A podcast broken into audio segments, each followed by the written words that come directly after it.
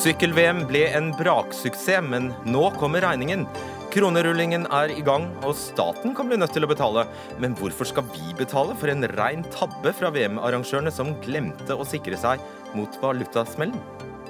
Over 90% av kurderne i Irak vil ha selvstendighet.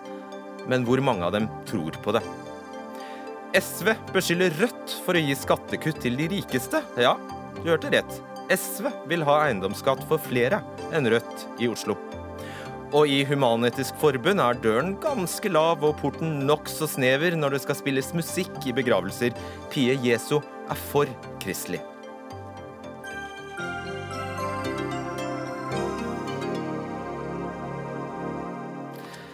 Dette er menyen i Dagsnytt 18 tirsdag 26.9. Mitt navn er Fredrik Solvang. Ja, Folkefesten er over, og sykkelstjernene har reist fra Bergen. Nå skal regningen for VM betales. Kostnadene har skutt i været, og en valutasmell alene kan gi arrangementet tap på 8,5 millioner kroner. Sykkelforbundet ba om kronerulling, og sykkelfansen svarer med å vrenge lommeboka. Men toppledelsen for norsk sykkelsport håper at staten skal gå inn med friske millioner dersom VM-festen i vestlandshovedstaden viser seg å gå med kraftig underskudd. Arild Salte, du er økonom og daglig leder for Oslo-klassikerne og leder for Norsk Sykkelrittforening. Du har vært, eh, ikke vært involvert i planleggingen og gjennomføringen av sykkel-VM, bare så det er sagt. Snarere har du altså vært kritisk til økonomistyringen i forbindelse med mesterskapet, og du kjenner godt til sykkelarrangementer. Hva er det som har gått galt her? Det som har gått galt, det er utgangspunktet at jeg fikk VM i 2014, september 2014. Og så kommer han ikke på at han har faktisk en valutarisiko når han skal betale for dette arrangementet. Dette arrangementet koster da 7 millioner euro. Og når du får euro, så får du automatisk en valutarisiko. Og det de burde ha gjort, de burde ha rett og slett enten sikret seg eller prøvd å reforhandle avtalene inn i norske kroner. Og Det som er kanskje det største problemet, det er at du har offentlige penger, offentlige bevilgninger, som da er i norske kroner, og så skal du betale i valuta. Du har en risiko der, og den burde de ha sett. Uh, så du forventer rett og slett at uh, folk som egentlig bare er opptatt av sykkel, plutselig skal vite hvor de skal henvende seg for å sikre seg mot valuta og greier? Nei, for å si det sånn, Jeg har jobbet i um, utenlandske banker i mange år. Og jeg kan bare si det så enkelt. Valuta er ikke for amatører, og det er ganske komplisert. Det er en verden at det selges valuta 24 timer i døgnet. Og det å spå valutaens om man skal gå opp eller ned, det er veldig vanskelig. Men i idrettsorganisasjoner som ikke har råd til det, de må, de må sikre seg. Harald Tidemann Hansen, president i Norges Sykleforbund og daglig leder av sykkel-VM i Bergen, er med oss fra studio i Telemark. Dette kan ende med en kraftig økonomisk bakrus. Hvorfor det? Ja, jeg først har lyst til å korrigere, fordi Vi har ikke bedt om denne kronelinja, bare så det er sagt. Dette er et fantastisk initiativ fra alle de som har vært med på sykkelfesten i forrige uke. Eh, og det er vi selvfølgelig utrolig takknemlige for. Når det gjelder valuta, så eh, ble styret i Bergenhus 17 det ble etablert i eh, ja, februar i 2015. Og vi, eh, når vi begynte å, å, se på valuta, jeg er helt enig med Arild at eh, valuta er en eh, risiko. Eh, så måtte vi jo følge de råd og anvisninger som måte, ble gjort. Jeg har ingen forutsetning. Ja, hvilke råd fikk dere? Nei, Vi fikk at, eh, at, euroen skulle ned, og at det var på en måte det alle Den skulle ned og ikke opp slik, slik den endte? Nei, den er jo endt eh, helt motsatt, og det har jo det selvfølgelig vært en Men vi har forsøkt ulike kanaler å høre hva våre anbefalinger er. Blant annet så har vi vært i kontakt med DNB Markets i forhold til hva burde vi gjøre, burde vi sikre, burde vi vente? ikke sant? Og hva sa de da?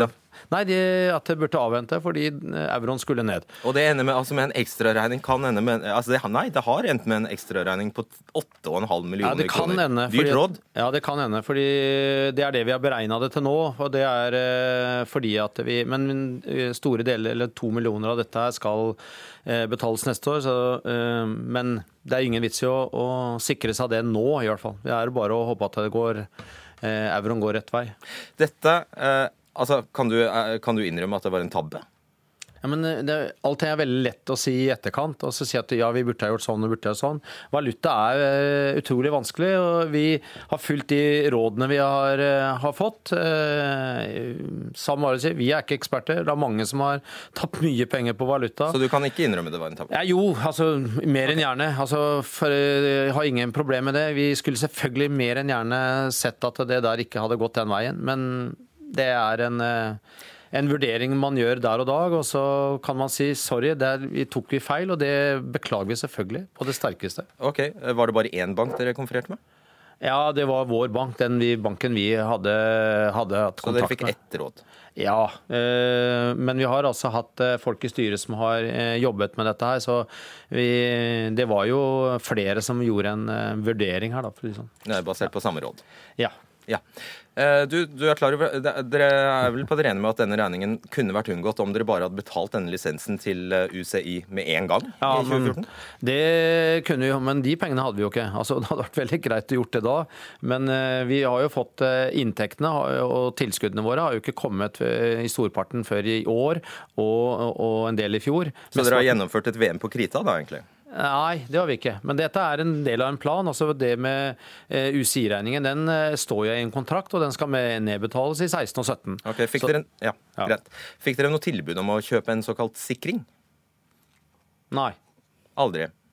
Men vi spurte ikke om det heller. da. Nei, Dere glemte å spørre, og det var tabben? Nei, ikke glemte å spørre, men si, vi, vi, baserte oss på de rådene vi, vi, fikk. og Så kan du si i ettertid at det, det skulle vi aldri ha lytta til, men det er Ja. Det kan jeg ikke si noe mer om nå. liksom. Nettopp. Øystein Børsum, du er sjeføkonom i Svedbank med oss på telefon. Prøv å være så objektiv som du kan her.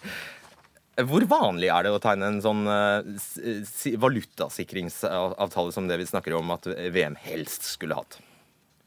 Ja, Det er veldig vanlig å tegne valutasikringsavtaler. Våre kunder gjør dette hele tiden. Eh, det er eh, avgjørende for vurderingen er jo at eh, den norske kronen svinger mye. Den svinger ofte mye. Og i 2014 og 2015 så var vi gjennom en kjempenedtur i, i oljesektoren, og det hadde store konsekvenser for norsk økonomi. og Derfor så svingte kronen enda mer enn vi, har, vi var vant med fra tidligere. Og I sånne situasjoner så vil vi jo normalt råde kundene våre til å sikre valutarisiko. Fordi, nettopp fordi det er så vanskelig å vite hvor valutakursen skal gå. Og Det gjorde jo ikke da DNB Markets i dette tilfellet. Hva syns du om det? Ja, Det syns jeg høres litt pussig ut. Fordi um, uh, sykkel-VM er altså uh, på ingen måte en aktør som, som, som, naturlig skal ta på seg valutarisiko. Uh, det var heller ikke nødvendig å gjøre det, fordi sikringskontrakter av denne typen kjøpe Eh, euro fram i tid. Det er en helt standard kontrakt. Eh, og, og, I tillegg så virker det som om dette var eh, potensielt store beløp for arrangementet. Og da ville jeg nok i hovedsak tenke at, at, rådet burde være å sikre. Men det er jo helt sikkert ikke gratis når dere tilbyr en sånn sikring? Hva koster det? Nei, altså um, Det er på en måte to komponenter i, eh, i det å, å, kjøpe valuta som vi kaller det på termin, altså kjøpe fram i tid. Eh, og Det ene er at du må betale et, et eh, lite gebyr til den som, den som du har inngått kontrakten med. Men, men, det er egentlig en veldig liten, forsvinnende liten del av summen. Det som betyr mest si hva, det, hva, hva, tror du det ville kostet ja. å sikre for det vi snakker om, for, det, for den summen vi snakker om her, da? Ja, Hvis vi går tilbake til uh, september uh, 2015, mm. uh, unnskyld, februar 2015, som ble, det ble nevnt her, så var, så, var kursen den gangen var ca. 8,5. Og jeg ville tenkt at hvis en skulle kjøpe to-tre år fram i tid, så var nok terminprisen var nok 8-7-8-8 kanskje. Det må du oversette. Hva betyr det? Ja, Det betyr at uh, den gangen måtte man betale uh, Hvis man skulle kjøpe med en gang, måtte man betale 8,5 kroner for en euro. Mm. Uh, hvis man skulle gjøre en avtale den gangen om å kjøpe euroen et par år fram, så ville det kostet noe sånt som 8,8 kroner per euro. Og, og i dag er vi på 9,3. Så det betyr at da ville beløpet i dag vært eh, et vesentlig lavere beløp målt i kroner enn det, enn det, de sitter med i den faktiske regningen.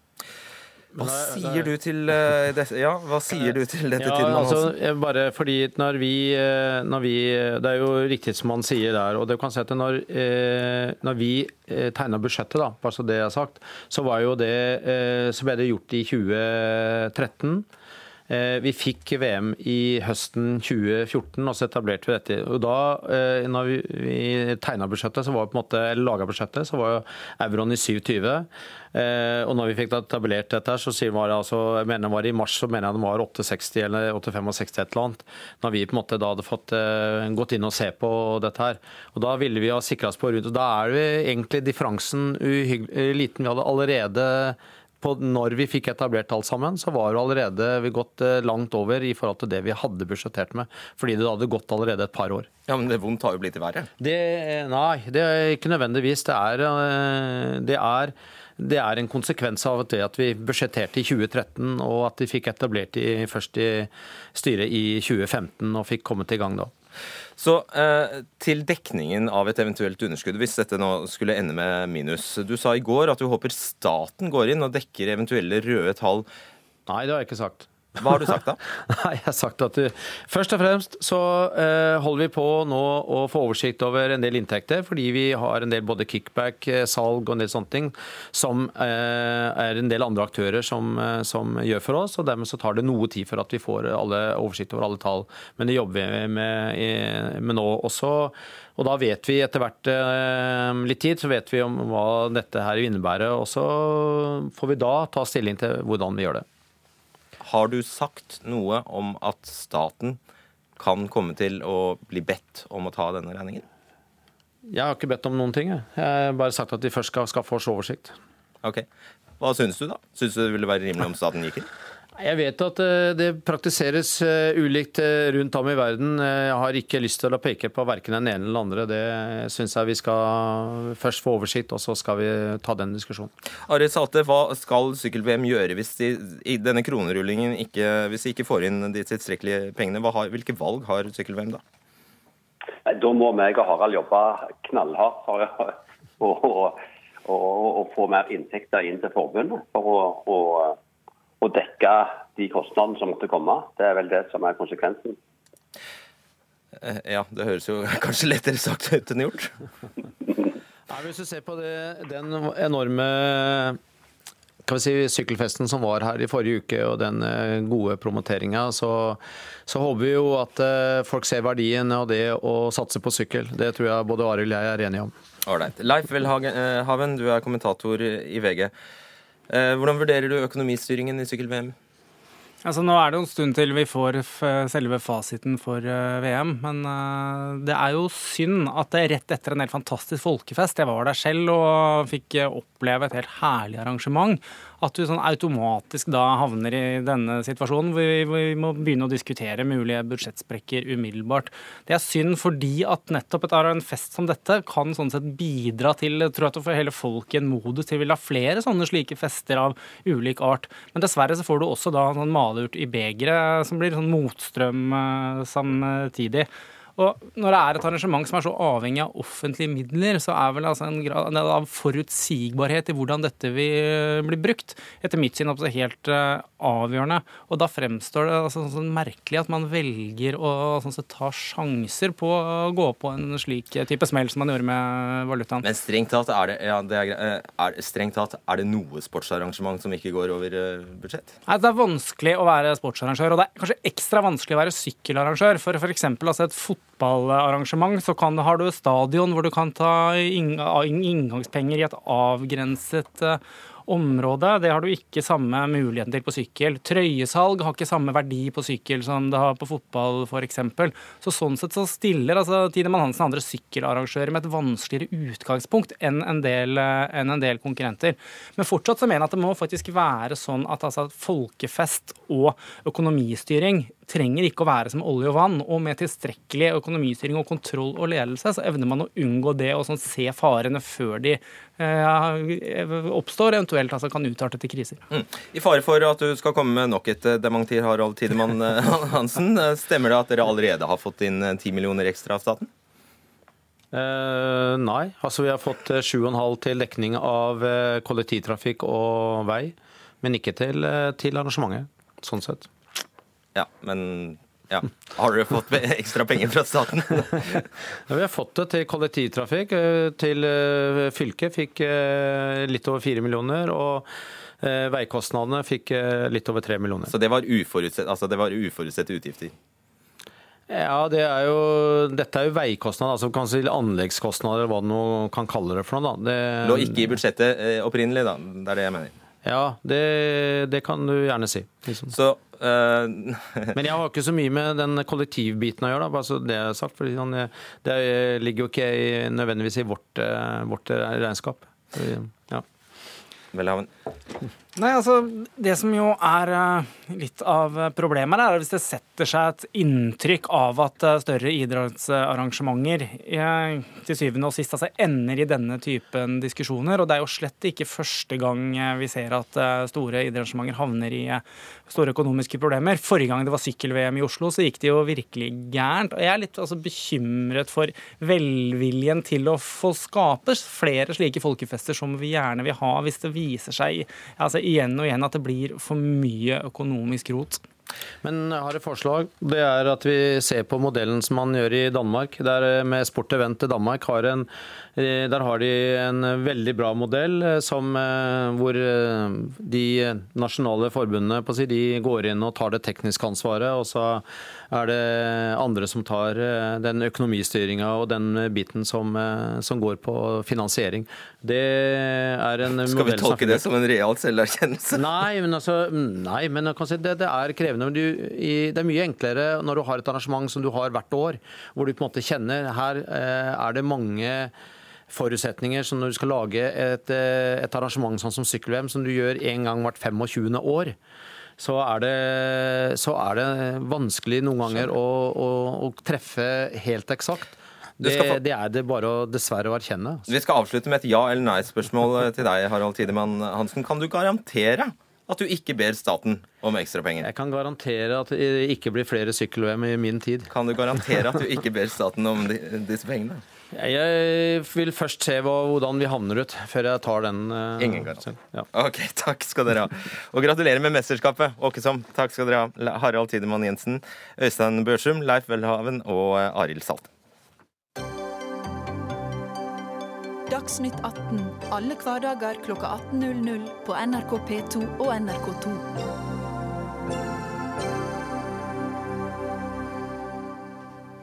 Brått temaskifte nå. Kurdere i Irak venter akkurat nå på resultatene etter gårsdagens folkeavstemning om kurdisk selvstyre i Irak. Lokale TV-stasjoner melder at rundt 90% skal ha stemt ja til uavhengighet. Irakiske myndigheter i Bagdad avviser hele folkeavstemningen og sier den er ulovlig, og også i Tyrkia, Iran og Syria avviser myndighetene denne folkeavstemningen. NRK-korrespondent Sissel Wold, du er akkurat nå i en fjellandsby utenfor kurdernes hovedstad Erbil, eller Arbil i Nord-Irak og har snakket med eh, folk i dag. Er det noen som virkelig tror at dette vil føre til selvstendighet? Ja, det tror jeg at det er veldig langt frem. Men eh, det viktigste er at prosessen er i gang. Og de er besøkt i dag. Det er en liten kristen minoritet, syrianere. Og de sier at de ser veldig lyst på dette med en kurdisk stat, fordi at de mener at kurderne er veldig eh, gode til å ta vare på minoritetene sine. Eh, det er jo veldig mange kristne som har forlatt Midtøsten, men eh, og disse her de har stemt ja i folkeavstemningen fordi de vil bo i en kurdisk stat, sier de. Selv om de vet det er langt frem. Hva, betyr, hva, hva, hva ser de for seg at langt frem betyr? Ja, nei, altså Det sa jo president Barzani. Han sa det på pressekonferansen her om dagen at uh, vi må jo begynne å forhandle med regjeringen i Bagdad, sentralregjeringen, og det kan ta mellom ett og to år, kanskje mer. Fordi at sentralregjeringen i Bagdad, som vi hørte, ønsker jo ikke at uh, Nord-Irak skal rive seg løs fra resten av Irak. Ikke minst fordi at her er det store oljerikdommer. Så jeg tror at det de må forhandle om først, det er jo nettopp å fordele oljerikdommene. Ingen vil jo gi fra seg oljerikdommer. Og hvis de greier å bli enige om hvordan disse eh, rikdommene fordeles, så kanskje de blir enige om eh, nye grenser og andre landområder eh, etter hvert. Men jeg tror det er ganske langt frem. Så har jo i tillegg eh, Tyrkias president eh, Erdogan eh, faktisk truet med å gå til angrep på, på, Tyrki, på kurdisk Eller irakisk Kurdistan. Ja, han er jo veldig opprørt over dette. Og det som også er kompliserende her, er at det er ganske mange turkmenere. Altså det er etniske tyrkere som bor i eh, oljebyen Kirkuk og i Irak. Og han ser på den nærmest som en forlenget arm av det tyrkiske folk. Og han sier at eh, hvis de blir truet, så skal han gå inn og forsvare dem. Men det som opptar Erdogan mest, er jo at eh, kurderne her ønsker en selvstendighet, ønsker en egen stat, og at han er livredd for at dette skal smitte over på den store, store tyrkiske minoriteten, eh, kurdiske minoriteten i Tyrkia. For der har det jo vært en krig i flere tiår mellom Eh, PKK, eh, kurdiske separatister og Tyrkia. Sånn at, eh, at, Kurderne er jo spredt på flere land, og alle disse landene, Iran, Syria, Tyrkia og også Irak, er jo redde for at kurderne skal ville eh, rive seg løs. For da mister jo disse landene store deler av ja, statene sine. Mm. Vi sier takk til deg der, Silselvold og den litt skrinne Lydkvaliteten skyldes det altså at du befinner deg i en fjellandsby utenfor Erbil. Shalak Kaveh, du er historiker. Hvor er Kurdistan? Ok, så eh, Grenseområdene mellom Iran, Irak, Tyrkia og Syria, eh, der det bor eh, flest kurdere, eh, har blitt omtalt som Kurdistan i mange hundre år. Mm. Det er enkelte, enkelte forklaringer. Og det er ett folk, eller? Ja, altså etnisk sett så både anser de seg sjøl, og språklig også, og kulturelt. Det gjelder så mange fellestrekk at det er riktig å si ett folk, ja. Ett språk, flere dialekter? Ja, til dels eh, ja, veldig vanskelig forstå, ja, forståbar. Ok, De fleste forstår hverandre? Ja, altså det er litt vanskelig mellom de ulike dialektene, men man, eh, med litt jobb, med litt innsats. Samme religion? Stort sett sunnimuslimer. Sunnimuslimer. Hvilken form for sunni islam? da? Ok, Er det en, er det en Den er annerledes enn det f.eks. tyrkernes det, det, de fleste tyrker, sunnimuslimske tyrkere er.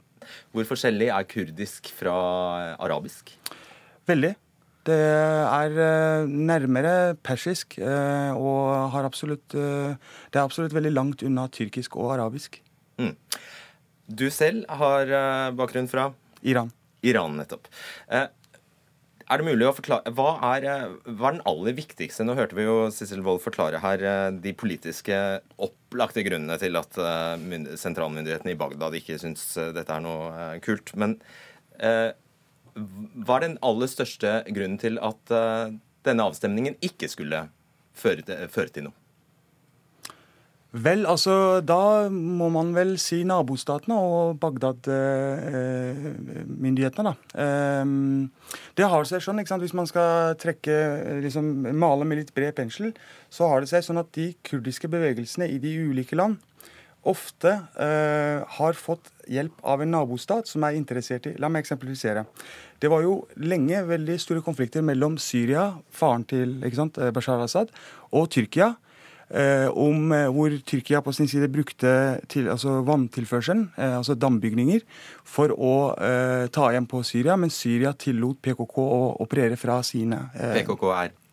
Altså Kurdistans Arbeiderparti, altså det Sissel Wold mm. snakka om. Så det er jo da, De opererer jo her fra eh, Tyrkia, da. ikke sant? Eh, så det er klart at eh, det samme har jo skjedd også med Eh, irakisk bit. Vi vet jo at 80-90 eh, av eh, av infrastrukturen i eh, altså irakisk Kurdistan er jo bygd av eh, tyrkiske bedrifter. Altså, eh, Tyrkia eksporterer varer og tjenester for 8 milliarder dollar ikke sant? de siste årene. Ja, så, så, det er mye avhengighet mellom de to. Er, avhengighet og lojalitet til forskjellige land da, internt, altså blant kurderne? Er det riktig å si? Det er riktig.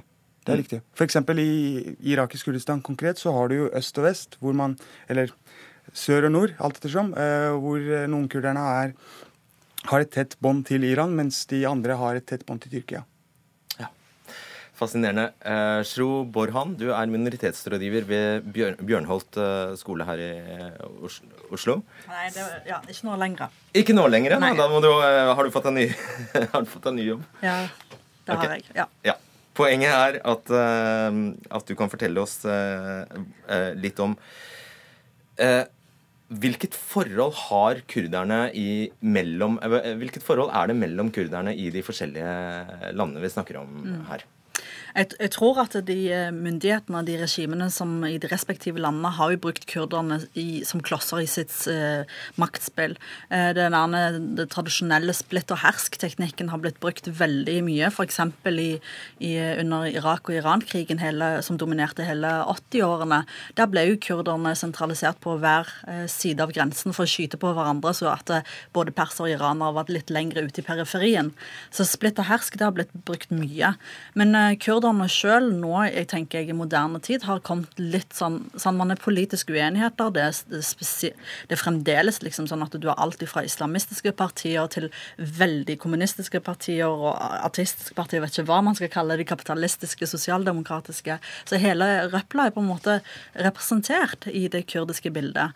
Men det som har skjedd nå, etter spesielt IS, siste tiårene, vil jeg si, siste 20 årene eh, med Anfall-kampanjen, med f- folkemordforsøk, med Halabja, kjemiske våpen mot byen Halabja, alt dette, så tror jeg det har ført samtidig sterkere bånd.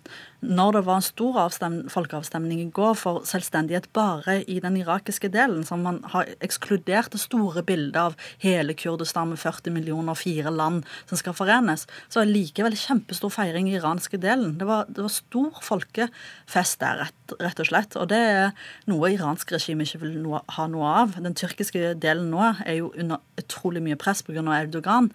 Men jeg tenker sånn helhetlig sett, det handler ikke om bare eh, Det som er viktig for meg å si, at dette her handler ikke om bare etableringen av en egen kurdisk stat. Dette handler ikke om å ekskludere altså å fjerne irakisk stat. Det handler ikke om å fjerne iransk stat eller folket. Det er stor respekt for det. Jeg tenker at det, jeg håper med den etablering av en kurdisk eventuell stat, det er at man skal, man skal respektere minoriteter og lære av den undertrykkelsen man selv har vært under. Likevel, det er vel ikke sikkert at eh, myndighetene verken i Teheran eller Ankara eh, ser så konstruktivt på eh, saken.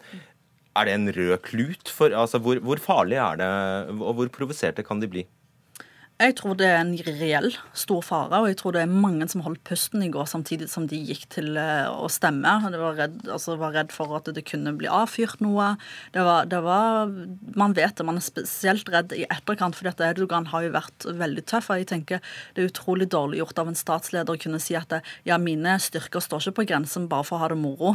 Altså, da, da er man ganske kjip. Og så si, og spesielt med den eh, headlinen i dag med tittel i, i avisene, var at ja, jeg skal føre folk til hungersnød. Det, da tenker jeg da, da går du jammen meg langt. Det, det er demokratisk svikt i alle de fire landene, og vi må rett og slett hjelpe til som minoritet til å få, eh, få det bygd opp igjen. Hjelpe det minoriteter òg. Veldig kort, KV, så skal vi ta en tredjemann. Ja, altså, Um ja, altså Erdogan kan si hva han vil, og det er klart at han bruker jo retorikken her, men det er veldig lite sannsynlig at Tyrkia skal gå inn på et sånt militært steg. Eh, Så han bare sier det? det, er, det er noe han sier, ja. Det, det er ikke noe Det virkelighet. er drøyt, bare det. Det, det kan du si. Men det er jo, han må jo passe på sin eh, hjemmebase, altså nasjonalistene. Eh, det er viktig. Da, eh, Bako Ayub Ibrahim, du er jusstudent. Ja, for, for ordens skyld. Altså, din bakgrunn er da irakisk-kurdisk. Ja. Stemmer det? Eh, altså Borhan. Og det er også eh, Yes. din, Ibrahim. Ibrahim. Eh, nå er det faktisk sånn, selv om vi ikke lyktes å samle noen av dem her i dag, så er det faktisk sånn at det også i Norge finnes dem som slett ikke syns dette er noen god idé med selvstyre for, eh, for eh, eh, kurd, Kurdistan blant kur, eh, kurdere. Ja. De som da er imot, og det er jo i hvert fall da 10 ca. 10 der som har stemt nei, hva er deres argumenter? Uh, det vil jeg si er eh, Altså, først og fremst, Det som er viktig å vite, er at folk er ikke imot selvstendighet, men metoden det blir gjort på. Eh, Jeg tror du skal lete veldig lenge etter å finne noen kurdere i de kurdiske delene, også i utlandet, som vil si nei til en selvstendig Kurdistan. Det man er imot, er tidspunktet det gjøres på, som eh, disse to eh, pekte ut i stad, og hvordan det gjøres. Men det som er viktig å merke seg da, er at det i en så trøblete område så kommer det til, ikke til å være et perfekt tidspunkt å gjøre dette her på. Og kurdere altså Vi snakker jo om truslene og trusselbildet til eh, eh, la oss si Iran, Tyrkia og disse her truer kurderne. Eh, irakisk, eh, Irak under Saddam Hussein gikk jo folkemord på kurderne. I Halabja så ble 5000 kurdere gassangrepet og drevet, eh, drept på eh, noen få timer. Og nå i dag så er det IS som har drept eh, driver folkemord på jesidiene, som er eh, minoriteter. Eh, og i Kobane så har det også vært eh, masse drap og elendighet. Så dette er ting som har skjedd før kurdere i det hele tatt har hatt en folkeavstemning. Så mange kurdere vil jo bruke det som argument at vet du hva, det her har jo skjedd før vi engang har bedt om det. Hvor mye verre kan det bli? Og som uh, Çardak pekte ut, så kan mye av det Tyrkia sier, være retorikk for å uh, passe på sin egen hjemmebase.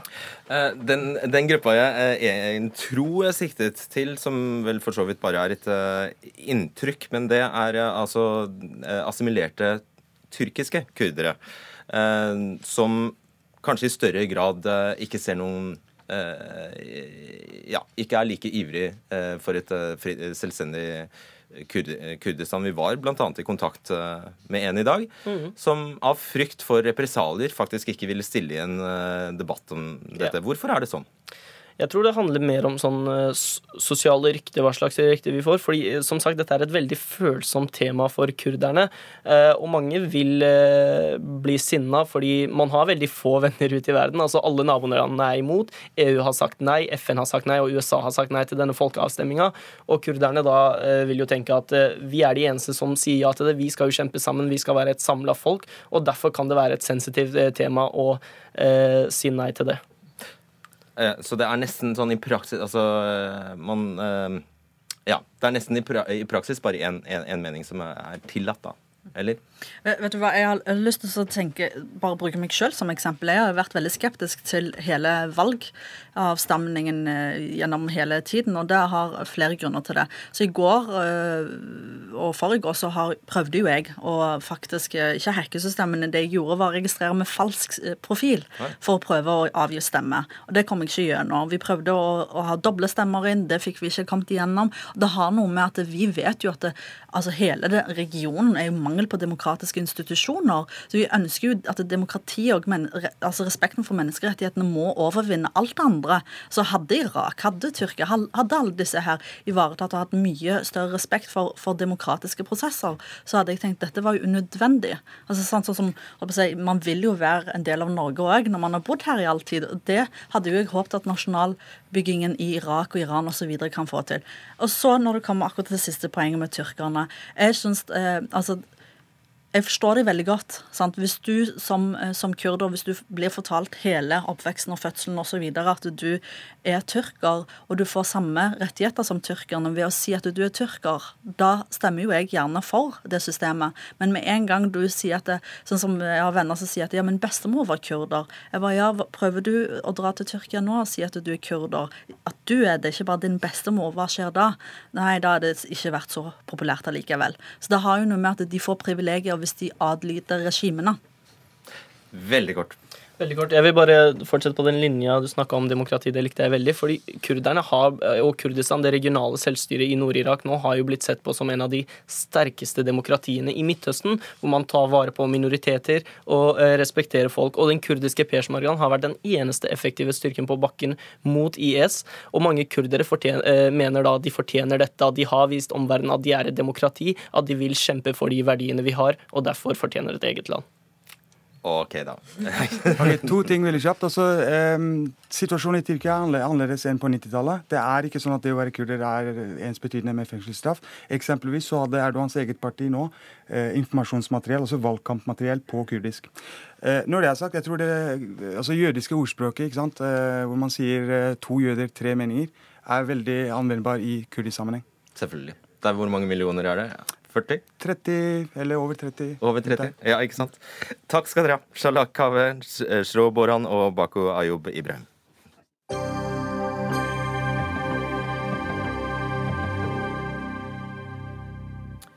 Nå må du høre godt etter.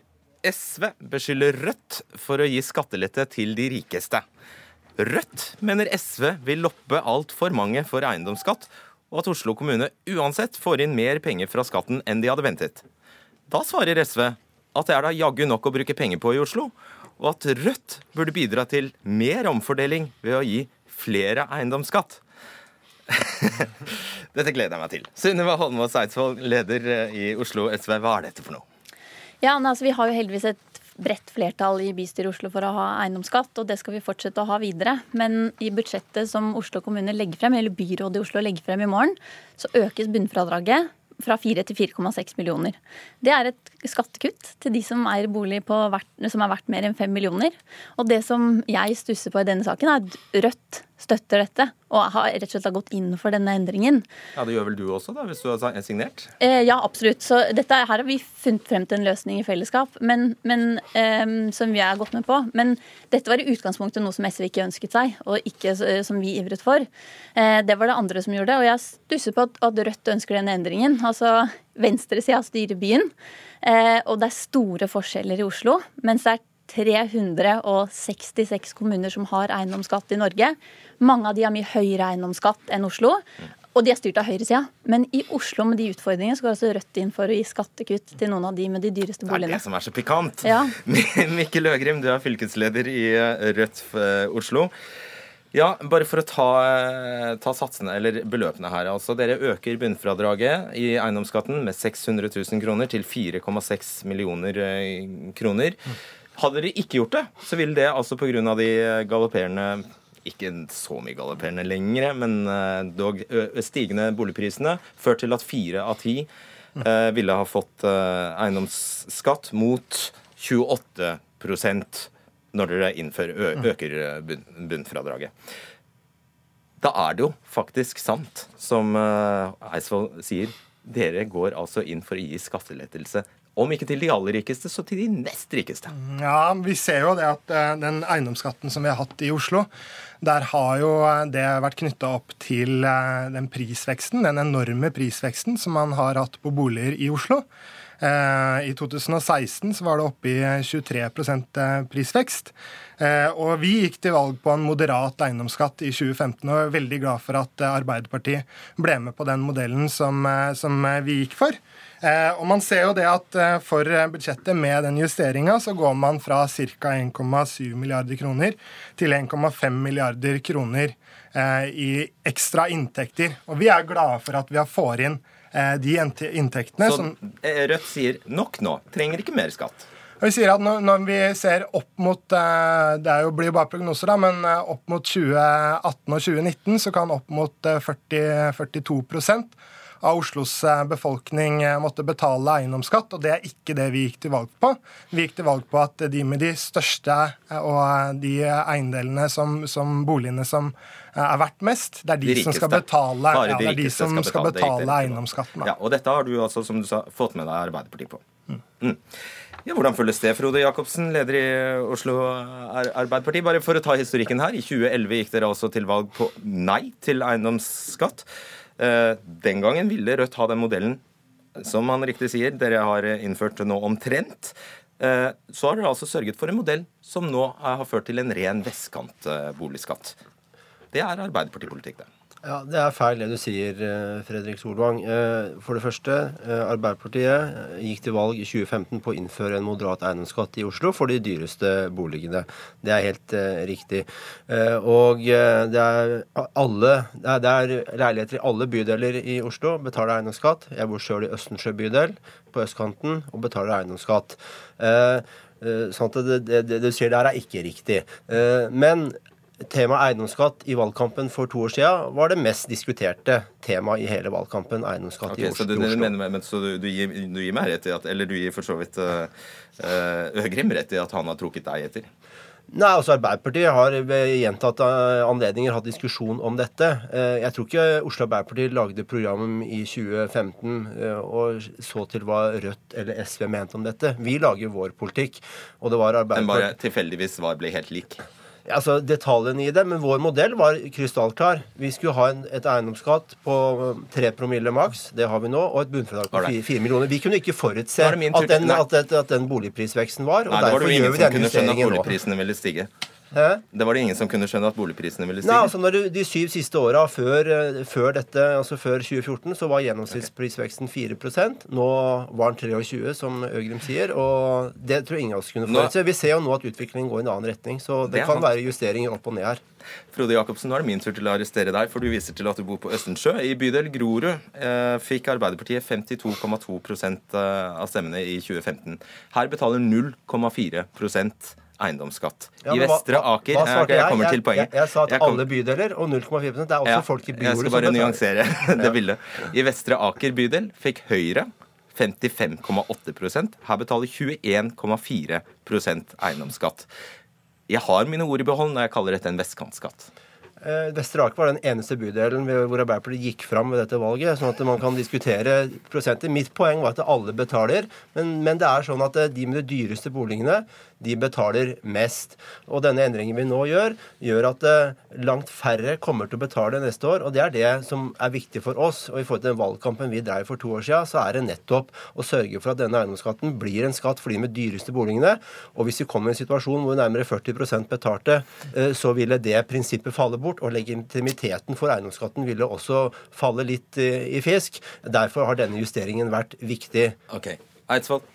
Ja, Det vel litt mye diskusjon i Oslo om hvem, altså hvor mange som skal betale eiendomsskatt. og Jeg syns det er et lite mm, feilspor eh, for venstresida i politikken. Jeg synes at Det er en debatt som foregår da på høyresida sine premisser. For SV så er det sånn at Hvordan da? Eh, Nei, altså vi, i, I SV så mener vi at skatt og omfordeling gjennom velferd det skal skje ved at alle er med. Altså Vi vil at alle i Norge skal betale skatt. Både van, vanlige arbeidsfolk ja, skal betale dere- skatt. er det sant? veldig langt fra flertall for. Men Ja, jo, nei, nei, ikke eiendomsskatt, men ikke sant, at eh, gjennom skatt. Vi skal ha et system der alle bidrar, og alle får noe igjen gjennom velferden. Og det Vi eh, ønsker også et skattegrunnlag i Oslo for eiendomsskatten, hvor det er flere som er med og betaler, men hvor vi sørger for at den er progressiv, og hvor vi bruker inntektene på felles velferd. Så dere, som du syns det er feil det de gjør, nemlig å, eh, at bare noen veldig få skal betale? Jeg syns det er et, eh, et spor av, som ikke er veldig konstruktivt i eiendomsskattedebatten. At vi skal sørge for at det er en skatt som bare ytterst få skal betale. Jeg skulle ønske meg at vi heller kunne fått en debatt om hvordan eiendomsskatten kunne være mer rettferdig. Eh, eiendomsskatteloven f.eks. legger en del begrensninger på hva vi som kommunepolitikere kan gjøre. Jeg kunne egentlig ønske meg en eiendomsskattelov som ga oss mulighet til å beskatte bolig nummer to, tre og fire og sånn som folk eier, høyere eh, enn den boligen som folk bo, bor i sjøl. La meg teste noe på deg, eh, Mikkel Øgrim fra Rødt. Er du enig i denne påstanden? Eh, pensjonister som eier kostbare privatboliger eller fritidseiendommer, får en stadig høyere eiendomsskatt samtidig med at inntekten går ned og erstattes med pensjon. Det er ikke god politikk. Er du enig i det? Nei, vi mener jo at de som sitter på de største eiendommene, skal eh, Det er også en del av verdien som man har. eh, Og de som sitter på de største eiendommene, de skal eh, betale eiendomsskatten sin. Så har vi en ganske moderat eiendomsskatt.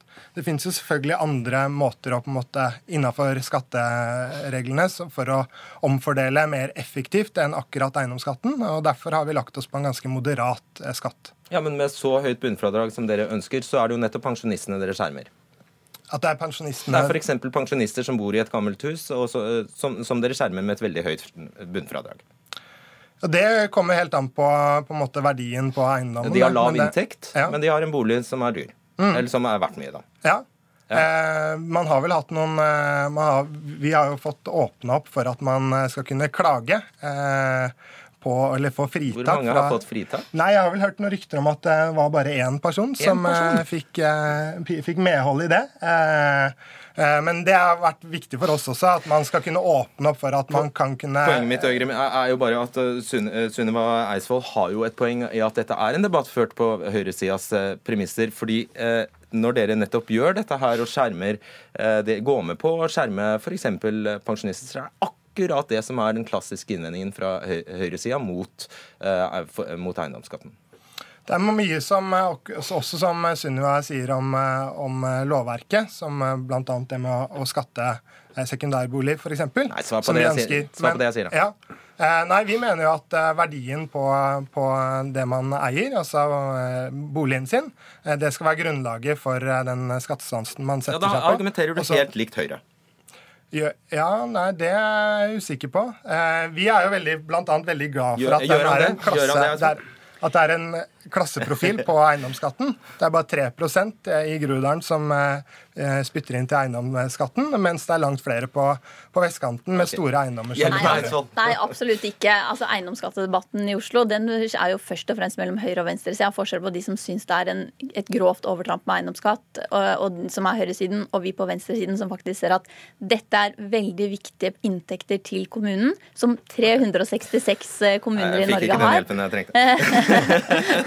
Og som gjør at vi kan satse på viktig velferd. Skole, barnehage, aktivitetsskole, eldreomsorg, kollektivtrafikk. Altså det blir mye sterkere satsing på disse felles velferdsgodene når vi styrer sammen enn med høyresida. Det er det ingen tvil om. Jakobsen. Ja, men vi, vi, har kanskje litt annet syn på, på skatt. Altså For Arbeiderpartiet og i Oslo Arbeiderparti så er ikke eh, høyest mulig skatt et mål i seg sjøl. Det er ikke et mål i seg sjøl å innføre en eiendomsskatt fordi vi på død og liv syns det er morsomt å plage flest mulig i Oslo med en skatt. Eh, vi gikk til valg på en eiendomsskatt fordi vi hadde ambisjoner for å øke velferden. Vi skulle ha 500 flere ansatte i eldreomsorgen, vi skal ha 3000 nye barnehageplasser, vi skal ha flere lærere. Og budsjettet som kommer i morgen, vil jo vise nettopp at vi klarer dette dette, samtidig som vi gjør en fornuftig endring av eiendomsskatten for å sikre at vi, den blir en moderat skatt for de med dyreste boligene, samtidig som vi har penger nok til å løse viktige velferdsoppgaver for å bygge ut velferd i denne byen. Og det, det, det er godt, uh, god solidaritet og god politikk. Ja, Det er morsomt at du nevner de 500 flere ansatte i eldreomsorgen og de 3000 eh, barnehageplassene.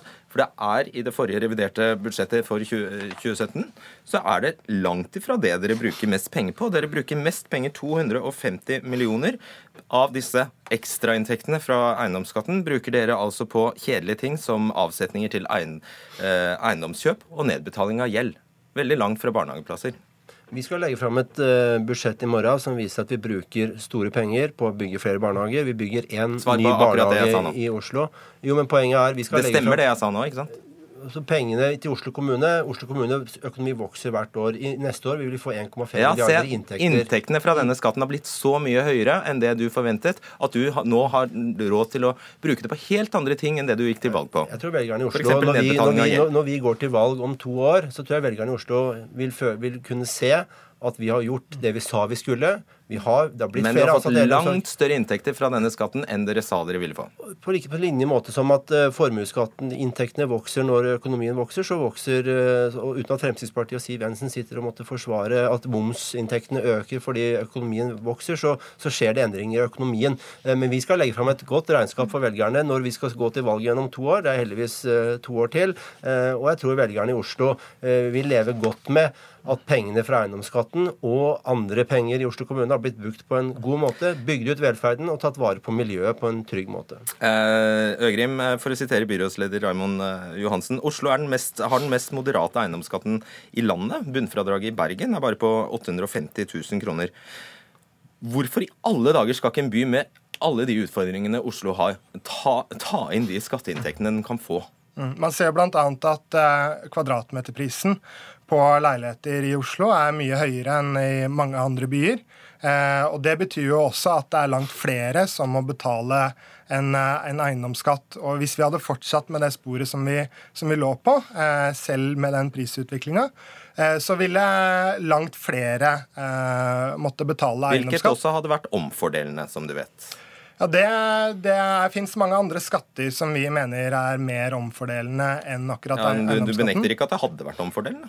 Det kunne vært omfordelende, eh, men eh, jeg tror nok det er Det har ikke jeg nok kompetanse på, må jeg innrømme.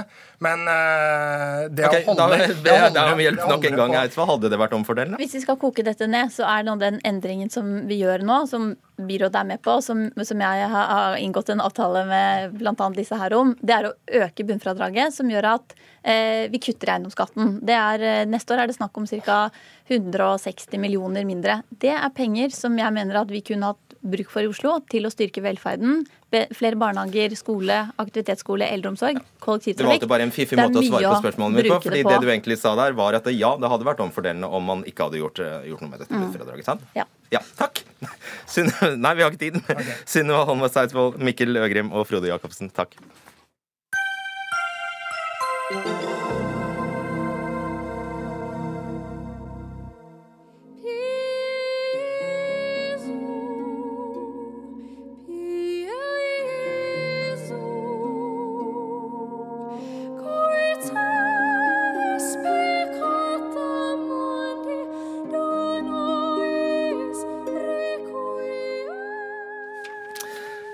Så fin. Pye Jesus', som vi hører her. Et musikkstykke av Andrew Lloyd Webber, ofte brukt i begravelser.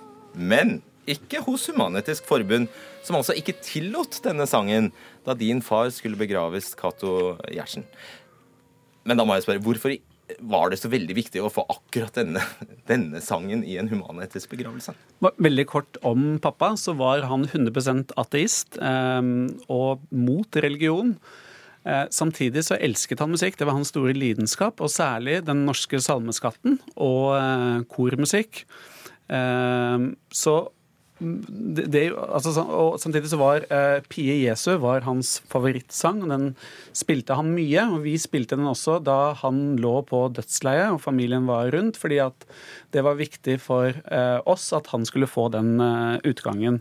da vi snakket med Human-Etisk Forbund noen dager seinere for å forberede bisettelsen, så var den også øverst på ønskelista vår, men da ble den funnet for religiøs for religiøs. Selv om du da eh, selv kunne ha klikket deg inn på hjemmesidene til Human-Etisk Forbund og lest det er ikke naturlig med religiøse innslag i en human, humanistisk seremoni. Ja, det står det der. Eh, da vi var hos eh, begravelsesbyrået for å eh, planlegge bisettelsen, så var det én ting vi var sikre på da vi satte oss ned, og det var at det skulle være en humanistisk bisettelse. Fordi pappa hadde det livssynet han hadde. Vi var, eh, som alle som mister sine kjære, i en krise da. Eh, vi var helt slått ut og valgte ikke å gå inn for å lese om det var noe i liten skrift som forbød musikken som var så fin, eh, og som betydde så mye for pappa, om den var god nok for Human-Etisk Forbund eller ikke. Da må vi høre begrunnelsen, Jens Brun Pedersen, pressesjef i Human-Etisk Forbund. Hvorfor tillot dere ikke Pie Jesu? Dette er en konkret tilfelle, en konkret seremonileder uh, som har tatt seg av dette. Og la meg si det, Pie Jesu er ingen uh, Det er ikke noe forbud mot det i våre seremonier. Men jeg er veldig glad for at uh, Cato Gjertsen fikk tre religiøse innslag med den bakgrunnen pappaen hans hadde. Pie Jesus ville vært en fjerde innslag, så jeg vil vel tro at dette hadde noe med eh, summen å gjøre. Så det var mengden? Eh, familien eh, var enig etter råd fra eh, seremonilederen, om å, å, trekke den. Og det hadde vel noe med eh, eh, Altså, poenget her er at, som du var så vidt inne på, en humanistisk gravferdsseremoni har ikke religiøse innslag. Men vi vet jo det at mange ikke-troende mennesker har sterke forhold til religiøse sangskatter. Jeg har det sjøl. Eh, og det er naturlig å bringe det inn. Seremoni, ja, så hva er problemet? Se, nei, Seremonilederen våre har en skjønnsvurdering, okay. mulighet til det. Og i våre seremonier er det masse religiøse innslag. Det kan jo være et journalistisk poeng for taleren å ha med og vise til bredden og spennet i den avdødes liv. Ok, Gjertsen, Hadde dere bare kommet med denne, bare den sangen, så hadde det kanskje gått greit. Eh, vi satt der og var eh, fortsatt Eh, mm, ikke Altså, vi var fortsatt i en krise. Dette var bare noen dager etter at eh, pappa hadde dødd. Mm. Og da, når vi hadde fått tre sanger gjennom, for å si det sånn En av de kom gjennom fordi at den hadde latinsk tekst, sånn at det var få som forsto teksten. at det, Da var det greit. Men når det da kom med den fjerde sangen, så syntes han da ble det for mye. Og da sa han også at det blir for mye. Og da sa han alternativet da var å gå et annet sted. Når du sitter der, og det har tre dager, virkedager til begravelsen her, og blir bedt om å gå et annet sted, eh, da, eh, da krummer du nakken og sitter der og tar imot. Fordi at det, det er han som da, eh, gravferdslederen, som, som sitter her og bestemmer, og da er du bare nødt til å ta til takke med det du får. Jeg skjønner veldig godt at uh, det er en veldig beklemmende situasjon rett før uh, gravferden skal skje. Uh, det er ofte hastverk i sånne situasjoner. Men jeg vil nå si at problemet generelt sett, det er at veldig mange tror at vi er nøytrale. At vi har nøytrale seremonier. Ja, det er greit. Og det er et det godt poeng. Er, vi kan vi bare ikke. komme tilbake til Nei, og det, det, er greit. Men hvis du bare kan forholde deg til denne konkrete situasjonen, det høres jo aldeles rigid ut. Ja, men det er jo ikke det når det er tre religiøse innslag i en gravferd. Da er det ikke eh, Det er jo eh, nettopp et eksempel på at man erkjenner at En tekst på latin? Ja, som ble forklart i talen. Og ø, t- t- denne seremonilederen brukte jo til og med, med også det som et poeng, nettopp at her var en ikke-troende mann, men hadde eh, store interesser og stort spenn i sitt liv. Mange interesser. Men jeg kan ikke gå inn i detaljer i en enkelt begravelse. Jeg vil heller bare forsøke å si at at eh, eh, de fleste mennesker skjønner at Den norske kirke har kristne gravferder og seremonier. Vi har humanistiske, og det tror jeg veldig mange ikke helt forstår. Svar kort på det.